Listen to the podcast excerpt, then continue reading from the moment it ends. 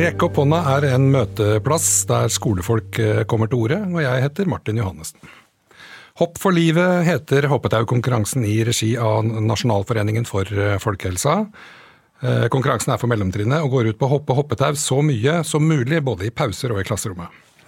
Og Mina Gerhardsen er generalsekretær i Nasjonalforeningen for folkehelsa. Velkommen. Takk skal du ha. Du øh, har vært gjest her en gang tidligere. Og da snakka vi sammen om at en sånn daværende regjering ikke hadde fulgt opp forslaget om én times eh, fysisk eh, aktivitet i skolen. Da var du ganske hissig på Guri Melby, husker jeg. Det var jeg, med god grunn. Ja, Men hvordan, er, nå er det en ny regjering. Er, hvordan er det nå? Eh, nå har vi jo feira med kake på jobben at den nye regjeringa har lovt å få på plass dette med fysioterapi i skolen hver dag. De har lovt å få det på plass, men de har ikke fått det på plass? De har ikke fått det på plass. Så okay. uh, vi håper ikke at vi spiste kake forgjeves, for det er veldig sjelden vi har kake i Nasjonalfjellet. Ja, ja, jeg skjønner, men det, ja, da må dere kanskje hoppe litt ekstra hoppetau etter ikke sant? Hvor mange hopp må man ha for å liksom, få brenne et kakestykke, tror du? 50 hopp? Har ikke regna på. Men vi, vi, håper jo veldig at uh, regjeringa skjønner at det må være fortgang i det. De har fire år på seg, men uh, her har vi jo kasta bort så mye tid fra Stortinget forrige gang sa at nå skal alle få dette tilbudet. Ja. Det var jo i 2017, så vi har liksom kasta bort alle disse årene mellom på å ikke få det på plass. Så nå håper jeg at de som er på jobb nå, skjønner at nå må vi bare sette i gang, ikke utrede mer. Nå må den marsjordren gå om at uh, dette veit vi er bra, dette skal alle ha hver dag. Ja, det er jo ikke verre enn det, egentlig. Så da får vi bare håpe at de innfrir gjør det de lover? Kan man egentlig kan man stole på regjeringer på den måten? Du har jo sittet i regjering, holdt jeg på å si, i hvert fall jobba tett på politikerne i regjering. Det de har skrevet i sin egen plattform at de skal gjøre, det tenker jeg at vi kan stole på. Ja. Eh, så skal de også lage en ny folkehelsemelding som kommer i 2023. Ja. Så jeg mistenker at jeg har tenkt å spare den som godbit til å komme med der. Nemlig. Da gjør vi det. Men, men. Hopp for livet heter konkurransen. Den heter faktisk Hopp for hjertet. Hopp for hjertet, ja! ja. Du, ja men hvordan, eh, Hva vil dere oppnå? Eller bortsett fra at folk skal få hoppe? Er jo, begynner å bli en veldig lang vårtradisjon ute i skolene. Vi har holdt på i over 15 år. Eh, og pleier å ha med 100 000 elever. Så det er jo ganske stort. og vi det er jo stor konkurranse om å si at dette er vårens vakreste øyeblikk, men eh, vi syns jo det at det er 100 000 eh, barn fra 4. til 7. klasse som hopper tau i to uker, det syns vi er utrolig flott. Ja. Så den ene delen av det er jo at det er gøy i seg sjøl å hoppe tau. Det er en enkel aktivitet som alle kan være med på. og Det er jo noe av det vi ser at om du ikke er så god til å hoppe, så kanskje du er god til å holde tauet, da, og så er du med. Så vi har jo fått så mye fine fortellinger etterpå om både foreldre og lærere som sier at endelig var hele gjengen med sammen. At eh, ja. bare de to ukene med aktivitet gjorde en forskjell for klassemiljøet. Så det er jo sånn fint i seg selv, denne hoppkonkurransen. Ja, nemlig. For jeg, jeg veit jo at våre elever de hopper jo tau. Mm. Altså både aleine og forlengs og baklengs, og sånn slengtau da med to som slenger, og, og, at man må hoppe og gjøre sånn ja. Ja, forskjellige leker. Da, gamle barneleker, egentlig. Så, og de ser ut og trives veldig godt med det. Ja, det er jo, sånn, man kan kanskje tenke at det er gammeldags, men vi ser jo at når ungene får disse tauene, så er de i gang. Det, det virker. Ja. Det er utrolig enkelt å få til. Veldig. Så de, alle som melder seg på, får jo hoppetau fra oss. Ja. Så, ja, så man gjør det. Så det er, det er, helt gratis, sånn sett. Det er helt gratis å være med. Mm. Og påmeldingsfristen er 10. mars, så jeg har sagt det. ja, til påmeldingsfrist 10. mars, og da går man inn på nettsida deres, og så man, fyller man inn skjemaet, antar jeg? Ja, så, så har vi et godt system for, for, å registrere både skolene som er med. Nå er over 700 skoler påmeldt allerede. Ja. Eh, og så er det da en løsning for å telle poeng hver dag og rapportere inn de, sånn at eh, man er med i trekning om premie til slutt. Ja, La oss snakke litt om det der. Med, eller spørre først, hvor, hvor mange hopp er det vinnerne pleier å hoppe? Husker du det? Du, det har jeg ikke i huet, men vi har laga en regel om at en klasse kan registrere opptil eh, Du får telle hvert minutt, eh, og så kan du registrere maks 60 om dagen. Ja, Så du teller minutter du hopper, ikke antall ja, sving hopp. rundt hopp? Nei, ja, ja okay. Så det er per klasse. Mm. Og så trekkes det vinner blant de som har best resultater. Ja, nemlig. Så da er det en nasjonal vinner, og så har vi en vinner i hvert fylke. Ja. Hvem var som vant i fjor? Det var noen i Østfold. Ja. Så jeg husker riktig. Så det hopper tau der òg? De hopper tau der òg. ja, det er bra. Men du, eh, det er 100 000 som eh, pleier å delta. Dere har holdt på i over eh, 15 år. Mm. Tenker du at det, det, initiativet med at ungene hopper, hopper tau, og at de blir mer aktive resten av skoleåret Ja. og så I tillegg til at det, som jeg med å si, det, er- det er gøy de to ukene. Eh, men vi er jo opptatt av hva som skjer eh, i tillegg. Det ene er jo at ungene oppdager at det kan være gøy å gjøre noe annet enn å stå og se på mobilen i friminuttene. At det Ja. er fint å finne på noe. Så det inspirerer elevene, men det er også veldig så mye å inspirere lærerne. Eh, For det, det vi ser er at det er jo mange som bruker dette her ikke bare som aktivitet i friminuttene, men aktivt i læringa. Og det, det har vi også lagt opp til. Vi har seks videoer, tror jeg, som er med hvordan man kan bruke det til kunnskap. Mm. Så da har vi skoler som hopper engelske verb, hopper matte, Ja. bruker disse tauene til å måle opp i kunst og håndverk. Altså, det er utrolig mye man kan finne på, da. Ja. Eh, Så det, når vi snakker om at vi vil ha én time fysioterapi i skolen hver dag, så er jo det også å få det inn, bevegelse inn i undervisningen. Så vi tenker jo at eh, disse to ukene med hoppetaukonkurranse også er med å inspirere til å se hvordan man kan legge aktivitet inn som en del av læringen. For det er jo en del som lærer litt ekstra godt hvis de har kroppen med. Det, eh, det kan jeg skrive under på. Ja. Men du tenker, jo hva har dette å si? Altså, det er, en ting er den timen med fysisk aktivitet og at man hopper hoppetau sånn, men så, et sånt livsløp, hvor, hvor viktig er det egentlig å holde seg i bevegelse når man er barn? Det er veldig viktig. Du legger et grunnlag for resten av livet. Så det, det at vi nå har en barne- og ungdomsgenerasjon som beveger seg veldig lite eh, de Ungdommene beveger, er jo stillesittende 70% av tiden de er våkne. Det gjør noe med helsa vår også i et livsperspektiv. Så det, det å få til denne timen hver dag, det er jo fint her og nå for eh, blodomløp og konsentrasjon i timen og få ut urekråker og sånn, men det er også for å få sånn grunnlag for helse for resten av livet. Så det er en investering vi gjør i eh, framtidig folkehelse. Ja, ikke sant? Fordi man antar jo at folk som er i bevegelse eh, blir eldre. Altså, de som har lært seg å like fysisk aktivitet, fortsetter jo gjerne å være fysisk aktive. For Vi ser også på at norske voksne beveger seg altfor lite. Ja. Eh, Og 90% av sykdomsbyrden i Norge eh, handler om ikke-smittsom sykdom, altså ting som påvirkes av levevanene våre. Så hvis vi klarer å få en oppvoksende generasjon som har sunnere levevaner, så kan vi gjøre veldig mye med sykdom i voksen alder. Ja, for jeg kjenner en eh, kar, eller kjenner og kjenner, en bekjent i hvert fall, som han er 85.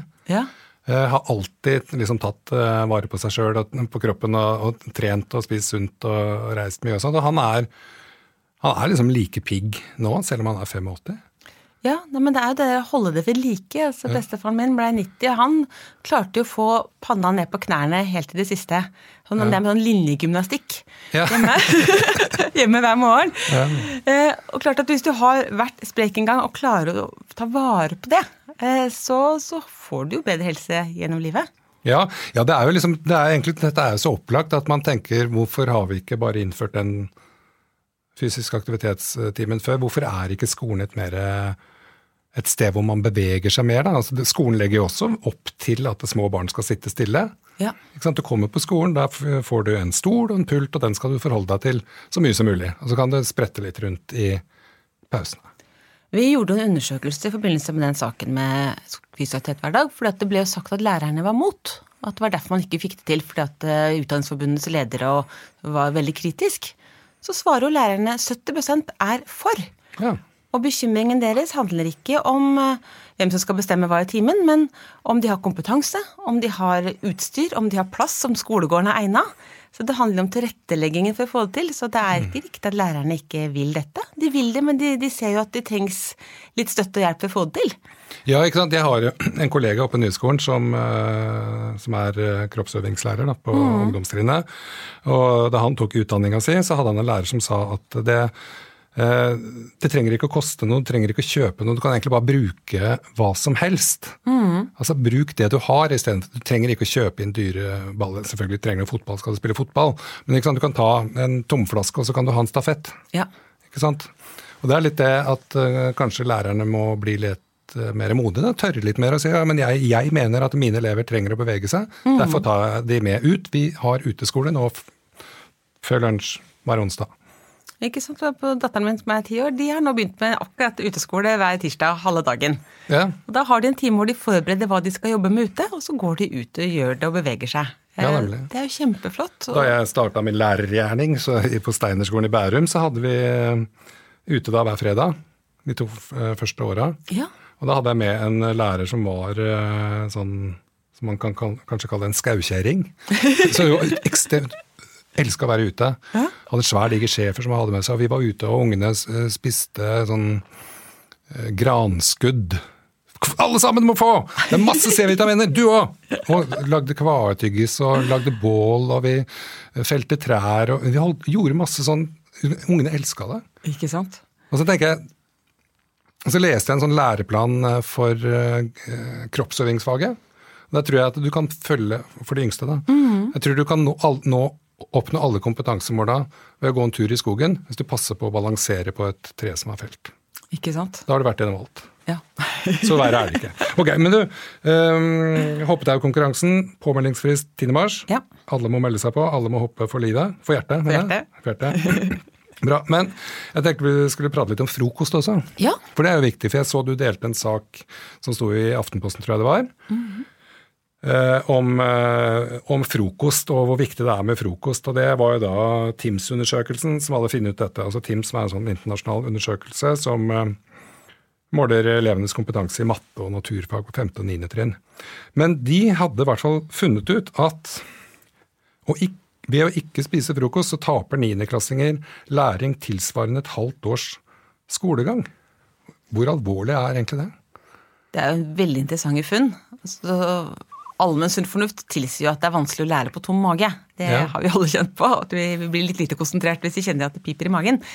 Men eh, at det er så tydelig sammenheng, det har man jo sett på over en tid. At eh, fra 2015 til 2019 så har antallet som spiser frokost gått ned, og resultatene i matte og naturfag har gått ned.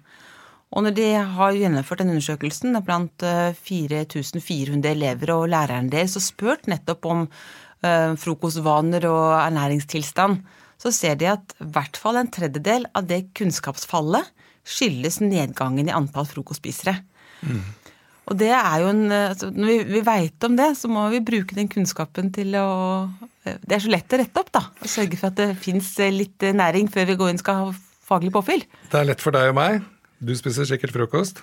Mm -hmm. Det gjør jeg jo, har jeg alltid gjort. Men jeg ser jo at mange av våre elever ikke gjør det. Mm. Altså helt fra små til de, til de, eldste. Noen har ikke tid. Noen spiser frokosten når de kommer på skolen, det er for så vidt helt, uh, helt greit. Men den derre frokostkulturen hvor man sitter ned sammen, er den Har du inntrykk av det? Er den på vei ut? Det, det, skal jeg ikke si noe om, men det, det forskningen tyder på, er jo at uh, kanskje tenåringene våre er litt uh, trøttere enn før. Altså, det er mer gaming og sosiale medier peker de på. sånn at uh, hvis du er veldig trøtt om morgenen, så er det også vanskeligere å få lyst til å spise. Ja. og kanskje det er litt kort, kort tid, man må skynde seg på skolen. så ser vi jo at skoler som har innført skolefrokost, at det ser ut til å virke. Så det er jo det som er svaret. Nå har jo snakket om at regjeringen har lovt oss fysisk aktivitet i skolen. De har også lovt oss et sunt og gratis skolemåltid hver dag. Ja, de har det. Det har det. Det, er, det er veldig spent på å, å, følge med på om det blir eh, innfridd. For det Nyskolen, der jeg jobber, vi har jo mm -hmm. hatt en varm lunsj uh, der hver dag. Ja. Som elevene er med å lage. Og sånn som er veldig fint å tenke på. Det er fint fordi vi samles. Og det er bra for helsa å få seg et måltid sånn midt på dagen, tenker jeg. Ja, for det er jo akkurat det at vi, det her handler jo litt sånn på samme måte fysisk aktivitet har mange gevinster. da. At mm. det er litt sånn å få, få, mat i magen her og nå hvor du trenger det for å klare å følge med skoledagen. Og så er det jo mange som ikke har matpakke til lunsjen heller. Det mm. er jo ca. 15% som ikke har. Færre som har matpakke når de blir større. Og så er det jo en del matpakke som ikke er spesielt eh, god for å være hjernemat. da. Det er mye loff? Det er loff, det er sjokoladepålegg, det er eh, Ostebriks har jeg sett det er mange som hadde når, når vi måtte, kunne ikke servere mat eh, ja. når det var korona og sto på som verst. Da var det en del ostebriks og pizzaslice. Ja. Men folk kommer med, så kommer med kald pommes frites og kjeks, da. Så, ja. Det holder jo ikke for å få deg gjennom en dag. Tørre nudler er noen som knafser. Ikke sant. Så det at vi da liksom sørger for at ungene våre får seg noe ordentlig eh, i løpet av dagen, og det tror, jeg, tror vi også er investering i gode vaner resten av livet. Hvis du har lært å spise litt, at grønnsaker og frukt kan være ok, at gråbrød kan være ok, så tar du det med deg. Men er det ikke litt sånn at når man kommer på ungdomstrinnet, at da kommer man uansett ned en sånn slags bølgedal, i hvert fall sånn helsemessig, at du, det er ikke så viktig. Jeg, jeg, ja, du gjør, gjør, som mamma og pappa sier med å spise gulrøttene din og frokosten din og alt det der når du er liten, men så er du liksom på vei til å bli stor, og så gidder du ikke lenger. Ja, jeg er jo akkurat uh, blitt tenåringsmamma, så jeg ja. se på dette fenomenet. Det der, det jeg klamrer meg til Hedvig Montgomerys bok om at hjernen virker ikke alltid så godt. Nei, det gjør ikke det, nemlig. det gjør ikke det. Nei. Men der kan jo også skolene legge bedre til rette. Altså, det er forskjell på skoler som sier at det er greit å gå på nærbutikken i friminutt og ikke, f.eks. Mm. Jeg er veldig glad for at hun går på skole hvor de sier nei. Ja. Da alle må bli på skolen, og da spiser de matpakka si, for det er den de har. Ja, nemlig. Mens naboskolen så får du lov å gå på kjøpesenteret, og da blir det jo skolebolle og brus. Ja. Så klart at her har vi muligheten til å påvirke også. Ja, men jeg tenker Jeg skjønner jo på en måte den fristelsen. Ja, ja. Uh, jeg tror ikke jeg var, sjøl var sånn uh, hypersunn da jeg gikk på ungdomsskolen. for å si det sånn. Hvis du ikke må legge inn noe sunn fornuft, så er det klart at du har mer lyst på skolebolle. Det ja. er jo helt menneskelig. ja, Jeg hadde til og med en kompis som var sønn av en baker. Ja. Som hadde, De bodde rett ved bussplassen, så de tok skolebuss. Da kunne de få skolebolle, eller skolebrød og, eller boller eller noe sånt. Ikke sant? Man spiste jo det istedenfor eh, skive med litt sånn slapp leverpostei eller salami. Svette gulosten, ja. ja. Ikke sant.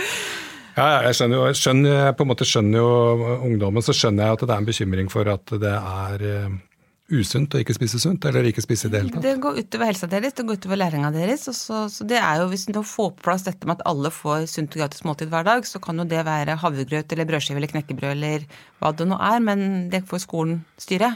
Men, ja. men at det er noe ordentlig, noe ja. som er sunt og bra for deg. Men har du noe tro på at regjeringa klarer å innføre det sunt skolemåltid? Greiene sine? Vi hadde møte med statssekretæren nylig, så ja. det var jo tydelig at dette har de klare ønsker om å få til. Og så ga jo vi en innspill på at uh, det trenger ikke være som det nasjonale skolemåltidet. Man må jo løse det lokalt. Noen har kantine, noen har det ikke, noen har stort kjøkken, noen har det ikke. Mm. Du må finne ut hva som funker på den enkelte skole for å få det i gang fort. Men det viktige er at det kommer i gang, og kanskje er det best viktig å starte med de eldste, for det er der det er størst behov for å få mm få så sunn mat inn i dagen, da, at det er flest som ikke spiser. Ja, jeg er litt uenig med at man skal begynne der. Jeg mener man ja. skulle begynt med alle. Ja. Eh, egentlig, Og så bare rulla det ut som et nasjonalt eh, prosjekt. Dette gjelder fra nå, og det gjelder fra alle, og det gjelder til evig tid. Ja, ikke sant. Det, ideelt så gjør man jo det. Nasjonalforeningen mm. folkehelsen har jo vært veldig klar på at sånn eh, Dette må vi bare komme i gang med, og dette må man løse lokalt. Det som funker der. Så en sånn marsjordre er jo ideelt. Men hvis vi må velge, så har jeg tenkt at problemet er størst blant de eldste. Ja, Men målet er jo at alle skal ha. Og, ja, og, veldig mange er jo i gang, og det er derfor jeg har tro på at vi kan få det til. For det er såpass mange skoler som sitter med erfaringer nå, og ja. ser hvordan vi kan få det til. Og så er det jo sånn, jeg leser vel det også her et sted, jeg husker ikke akkurat hvor, men at uh, det er sånn at det er mulig å gjennomføre på alle skoler med de uh, fasilitetene de allerede har. Hvis ja. de har et skolekjøkken. Det kom jo ny forskning nå for bare noen uker siden som viste at dette kan alle få til. Ja, og, det, og, det, er veldig bra, for har sånn, noen har snakket om Sverige og den eh, varme maten, tradisjonene der. Det kommer vi ikke til å klare. Vi har ikke kapasitet til å lage varm lunsj hver dag alle steder. Nei. Men vi, vi, får til noe. Vi, så, vi har jo erfaring fra frukt og grønt at det gjorde en veldig positiv forskjell. Flere begynte å spise det, og du fikk til sosial utjevning. Eh, og vi har jo også stor tro på at dette her vil bidra veldig positivt til både læring og helse. Og ja. Men da er jeg litt bekymra for at Sånn som det var med skolefruktordningen. Mm. Jeg var fan av den, og elevene mine var uh, storfan uh, av den. Uh, og så kom det en ny regjering, en høyreregjering. Mm. Så tok de det bort med en gang. Det var noe av det første de tok bort, var det at barn skulle få gratis frukt på skolen. Og sånn tenker jeg at Med det her skolematprosjektet så må man gjøre det så stort at man ikke kan ta det bort igjen. Mm. Det er derfor jeg er litt skeptisk til sånne innføre det på ungdomstrinnet, ja. Østlandet f.eks. Men at det må være overalt. For ellers så kan de andre bare ta det bort. Heldigvis har det skjedd veldig mye med både kunnskap og holdninger. For den skolefrukten ble jo latterliggjort da den kom. Som hvor tullete det var at vi skulle satse på eple og pærer istedenfor lærere. Uh, nå veit vi jo ganske mye om at det er stor verdi at de ungene har spist et eple og en pære for ja. å kunne lære. Mm. Uh, så jeg håper jo at når dette er på plass, så er det urørbart. Da er vi alle enige om at dette er faktisk uh, Norge er et av de få landene som ikke har skolemåltid. Det er mm. sannelig på tide at vi kommer med i gjengen her ja. og gir ungene det tilbudet som er åpenbart lurt av mange grunner. Ja, For det er jo sånn at de, nesten alle land i verden har en eller annen form for servering av mat til elevene sine. Ja, de aller fleste har det. også har det. Ja. Så, og det er noe vi har nok av her i Norge. Hva er det? Jo, det er penger. Så det er snakk om liksom prioritering òg. Ja. Og jeg, jeg, jeg, mener at vi visste at det var lurt med epler og pærer når uh, høyresida latterliggjorde hvor dumt det var med epler og pærer istedenfor lærere, som de sa. Mm. Det var jo ikke sånn at eplene og pærene bytta ut lærerne. Det kom jo i tillegg. Ikke sant. Så jeg mener, den kunnskapen har vi hatt veldig lenge. Så jeg håper at eh, regjeringa eh, ruller ut så bredt som mulig. Dette her vil jo være bra for alle. Ja. Eh, og så er det jo en tilleggsdimensjon at det er jo en del unge hvor det ikke er mat i skapet hjemme om morgenen. Nemlig. Det er ikke matpakke. Krisesbyrdsjonen laga en rapport hvor unge fortalte om de hadde med seg krøllete matpapir så det skulle se ut som de hadde hatt matpakke den dagen, at den var spist. Mm. Så det er jo også noe med det Det er så trist. Det er kjempetrist. Det er sånn hjerteskjærende. Ja. Så det at vi som vi som fellesskap stiller opp også, da, for det har jo også vært en debatt om at sånn, dette må foreldre få til. Det kan vi godt diskutere, men det er ikke så interessant når noen foreldre ikke ja. får det til. Men da, da, blir det jo også at det blir den enkelte som er ansvarlig, da. Ja, og så er det ungene det går utover. Ja, nemlig. Og så skylder man på skolene etterpå. En, ja, jeg, i hvert fall, jeg syns uh, at det er på tide å innføre skolelunsj. Frokost eller skolemiddag, for den saks uh, skyld. Men du, en helt uh, annen ting. Ja. Du har skrevet et par bøker også. Ja. en som heter 'Å lykkes som taler', mm -hmm. og en som heter 'Å lykkes med media'. Men jeg tenker på den der 'Å lykkes med taler'.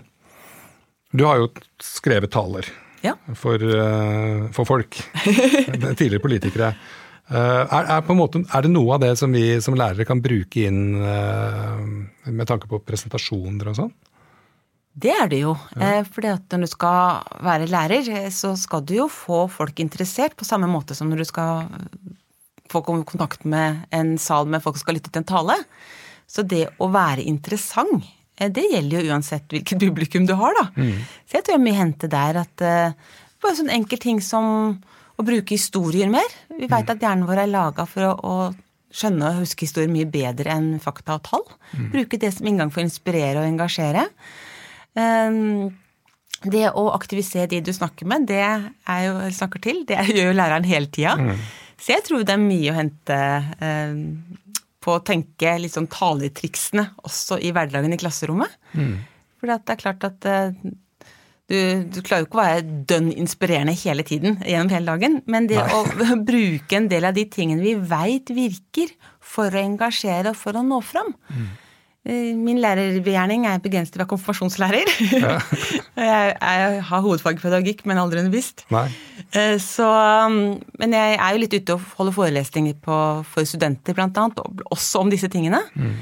Og tenker jo at det, det jeg snakker om, det, det er nyttig i veldig mange sammenhenger for det rett og slett handler om å nå hjem til folk og få dem til å høre på det du har å si. Mm. For hvis de ikke hører etter, så får de ikke med seg budskapet, og da får de ikke handla etter det du sier heller. Nei, det var vel han eh, engelske altså, vurderingsforsker som heter Dylan William, mm. som, pleier, som sa, i hvert fall han sagt det én gang på et foredrag jeg så, mot slutten der, så sa han at eh, når dere kommer hjem i dag, så kommer eh, nesten alle sammen til å huske en eller annen ting som jeg ikke har sagt. Så det er litt sånn Ikke sant? Men det er jo sånn, det, det er forskning på at etter en forelesning, så idet du går ut døra, har du glemt halvparten, og neste uke har du glemt 90% Ja, ikke sant? Så det du har å jobbe med som taler, eller lærer, da, er 10% Hvilken 10% er viktigst at sitter? Ja, nemlig. Og den må kanskje komme sånn med en gang, eller? Det må tas mange ganger. Folk Repetisjon, rett og slett? Ja. ja. God gammeldags. Eh, reklamebransjen sier at folk må sette et budskap seks ganger før det sitter. Så det er bare å hamre på. Nemlig. Jeg har jobba i platebransjen eh, tidligere. Der sa vi at refrenget måtte eh, gjentas ni ganger for at folk skulle huske det. Så det er litt av samme greia. Ok, vi begynner å nærme oss uh, slutten her, Mina. Men det er jo sånn at du ikke bare skriver bøker, men du, du leser jo ganske mye bøker også. Ja. Jeg ser stadig vekk at du legger ut en eller annen bok som du har lest. Har du lyst til å dele et boktips sånn på tampen? Så en av de bøkene jeg leste siste som gjorde veldig inntrykk, er eh, Anne Applebaum eh, om demokratiets svanesang. Ja. Som handler om at vi ikke kan ta demokrati for gitt. Vi kan ikke det. Vi kan ikke det. Hun viser veldig mange eksempler på land vi trodde hadde godt vern mm. Eh, for demokratiet sitt, og så kan det bare rakne. Så det var veldig sånn jeg mister ikke lett nattesøvnen, altså, så jeg har ikke gjort det. Men den har fått meg til å tenke nøye over eh, det, hva som skjer rundt oss nå. Hvordan vi må være med å ta ansvar og passe på å vokte demokratiet. Vi må det. Jeg leste et sted, kanskje det var i forbindelse med den boka, at uh, nå er det under halvparten av jordas befolkning som lever i et demokrati. Og tallet har da gått ned, da. Ja, ja, den leste jeg. Det er skremmende. Ja, det er det. Så ja, ja. Men, men. Eh, tusen takk, eh, Mina Gerhardsen. Håper mange hiver seg på hoppetaukonkurransen, og at eh, folk spiser frokost. Vi satser på det. Ja. Takk for at jeg fikk komme. Og takk for at du hørte på Rekk opp hånda. Gå tur, stå på, vær snill mot folk, husk å bevege deg. Vi høres. Ja, ja, den leste jeg. Det er skremmende. Ja, det er det. Så ja, ja. Men, men. Eh, tusen takk, eh, Mina Gerhardsen. Håper mange hiver seg på hoppetaukonkurransen, og at eh, folk spiser frokost. Vi satser på det. Ja. Takk for at jeg fikk komme. Og takk for at du hørte på Rekk opp hånda. Gå tur, stå på, vær snill mot folk, husk å bevege deg. Vi høres.